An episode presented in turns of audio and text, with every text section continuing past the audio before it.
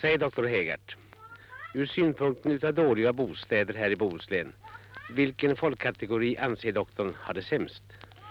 Det vill jag säga att det är nog stenhuggarna här i Bohuslän som har det sämst. Och då är det särskilt det här baracksystemet då? Ja, det finns här i norra Bohuslän en särskild bostadstyp som kallas för arbetarbaracker. Det finns eh, väl ett dussin inom eh, Vätte härad av sådana bostäder och jag anser att de är ganska dåliga. Vad är nu det sämsta med de där bostäderna? Ja, det är nog flera saker som är dåliga med dem. De saknar de eh, vanliga bekvämligheter som bostäder annars brukar ha. De saknar vattenledning och avlopp, de saknar skafferi, de saknar garderober, de saknar källare. Det vill säga de har strängt taget ingenting av vanliga bekvämligheter. Det har det just inte utan det, det är mycket dåliga bostäder enligt min mening.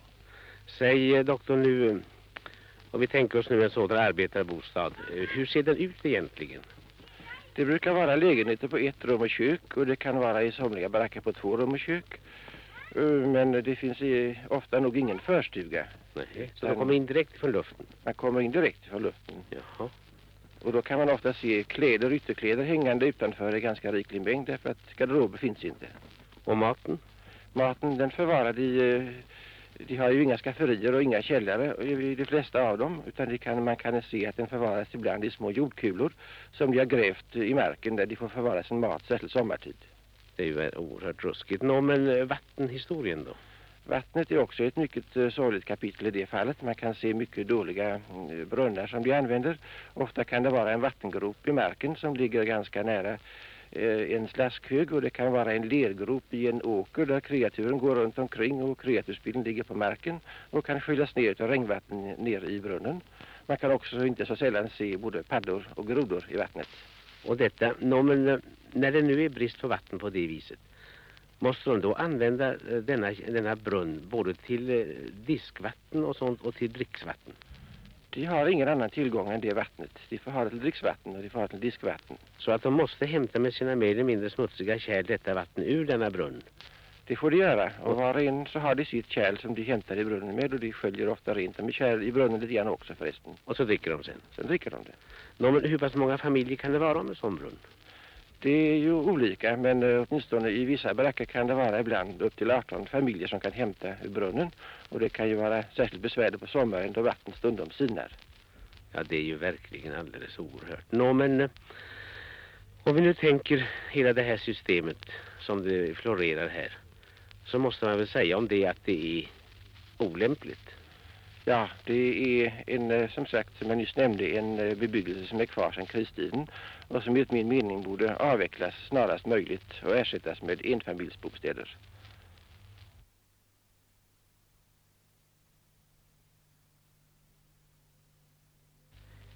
Hur är det ordnat med uppvärmningen i det här huset? Det är medelst egosystem. Jaha. Hur är det konstruerat?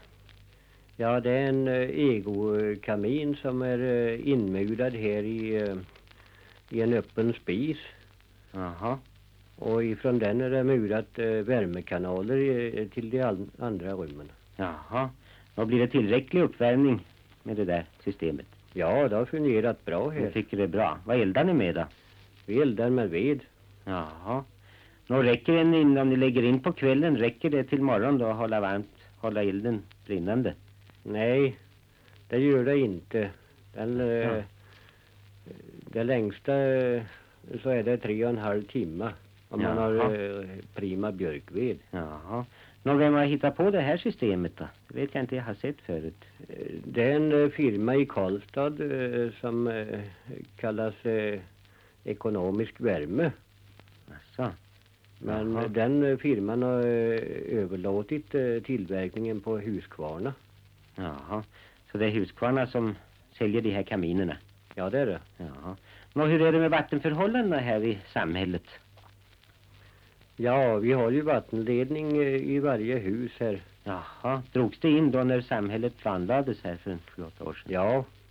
Bruket eh, lade vattenledningar till varje grund. Jaha. Alltså, Nå, var kommer vattnet ifrån då? Det kommer ifrån älven. Alltså, så det är rena ytvattnet då? Ja, det är det. det Har det varit mycket olägenheter med det där systemet? Ja, det är mycket smuts i, i vattnet på grund av flottningar och, eh, och muddringar som de har företagit i älven här Jaha. ibland. Jaså, ja, det kan jag förstå.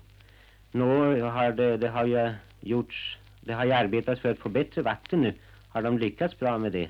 Ja, de har eh, djupborrat i berget här strax intill. Jaså, så det blir ordentligt grundvatten på djup? från Ja, det gör det. riktigt? Hur mycket, blir det tillräckligt också? Ja, de beräknar eh, 6 000 liter i timmen. Jaså, så det räcker bra då? Ja, jag tror det ska räcka till. Någon slask och sånt där, ordnas det med slaskledningar samtidigt som, som eh, det planlades här? Det lades väl samtidigt som vattenledningarna? Ja, det gjorde. Jaha. De drog fram både slask och vatten eh, på en gång. Jaha, så det har ni i varje egna hemsvilla här? Ja, det är har Då. Nå, det mera fasta avfallet från köket då? Var, eh, hur har ni ordnat med det? Ja, det har eh, inte varit eh, någon ordning alls. En var och en har ordnat det på sitt sätt. Jaha, så det blir därefter aningen också då? Ja, Jaha, Det gör brukar det. ni ha lårar och sånt där som ni lägger i? Eller Ja. ligger det i rena sophögar omkring? dels har, har de lårar och en del, en del har ju vanliga sophögar ute på marken. Jaha. Det flyger väl omkring papper och smörja och så blir det väl råttor och flugor och sånt där brukar ju bli rätt stora olägenheter då. Ja, det är helt naturligt att det följer ja. sådana olägenheter med. Det blir väl bättre är nu när ni får ordentlig ordningsstadga här. Ja, jag hoppas väl på att det ska bli det. Jaha. Nå avträdena då, hur har ni ordnat med det? Har ni vattenklosetter här någonting? Är inte det vanligt inte? Nej, det finns eh, inga vattenklosetter ute med två eh, hus här. Jaså, inte mera. Nej. Så det kom ni inte ordna då samtidigt trots ni hade bra avlopp. Och hur har ni avträdena? Ni har det utomhus i samband med... Det har vi i, i samband med uthusen, ja. Jaha, har ni tunnor ordentligt och sådär? Nej då. Nej. Nå, vem tar rätt på dyngan här nu då? Ja, det Har ni det själva på landa eller är det någon En del- bort? En del tar det själva, en del eh, tar eh, bruket eh, upp och kör Jaså. i, ihop. Så ni gödslar här på era trädgårdsland med det då? Ja, vi använder den ju eh, blandad med torrströ förstås. Jaha. Men det blir ganska otrevlig lukt här kanske. Det ligger Ja. ganska tätt ändå. Inte är det så det är synnerligen trevligt att handskas med sånt. Nej, jag kan förstå det. Nå, ni bodde förr med familjen i en av de här gammaldags barackerna. Tycker ni att det har blivit någon skillnad på det nu? När ni fick komma in i eget hem? Ja, det är ju helt naturligt att det blir eh, stor skillnad. Ja. Vad var värsta olägenheterna där? Det var väl att ni var många grannar. Det var väl lyhördheten i de där va? Det var eh, som eh, sagt många grannar och, och olägenheter av flera slag. Det var ju Ja. dragiga bostäder och Jaha. ohygieniskt gamla Ja. förfallna. Jaha. Så att det tycker ni har blivit bra mycket bättre. Nå, Ja. trivs de alla här med det här nya nu då? ja, det ser ut eh, som de ska trivas Jaha. eh, bra. Ja. Och de smittar väl av sig sånt här. De börjar väl bygga lite var här på landsbygden. Börjar de... Har de gått och tittat på hur ni bygger här och får det bättre? Ja, för all del, det har de gjort. Det, eh, det hör man ju nästan dagligen att, eh, att eh, befolkningen här omkring eh, tycker att eh, det här villasamhället i, är så skönt och så att de nästan är smått avundsjuka. Jaha, så den frodas bra då avundsjukan. Och låt ju höra. Ja.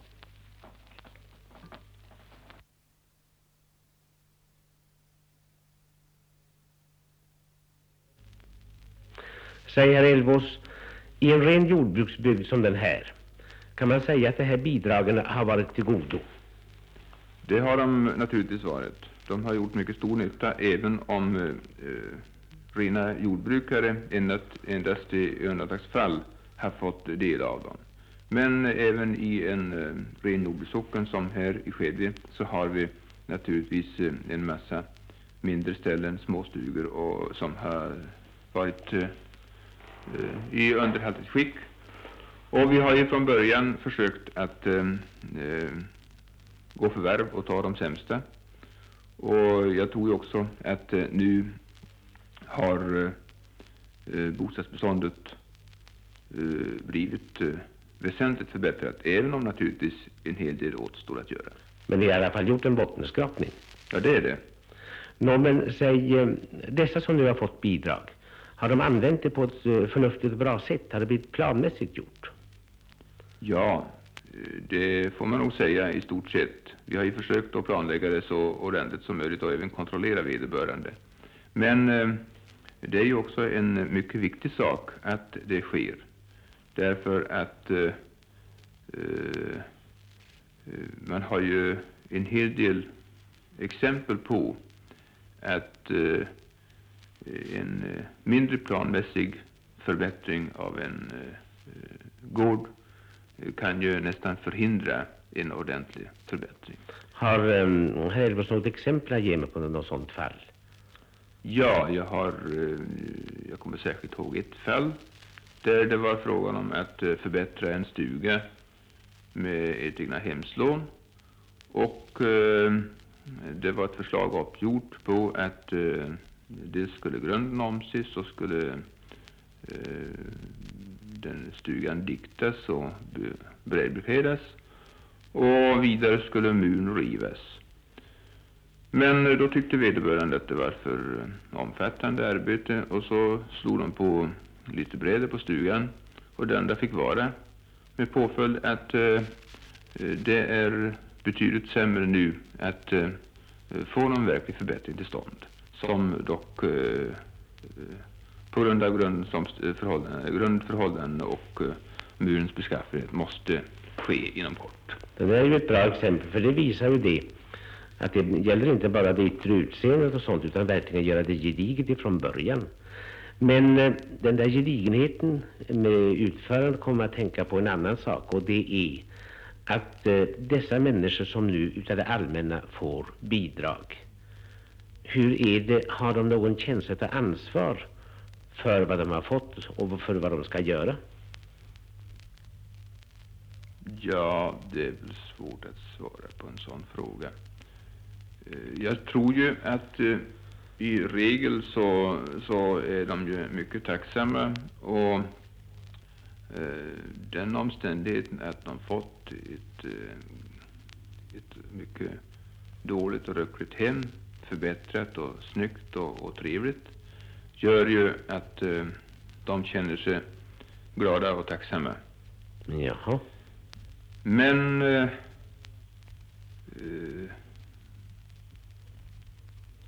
det är svårt att... Eh, jag, kan ju, jag har ju inte annat att, eh, någon annan erfarenhet än från den här socken.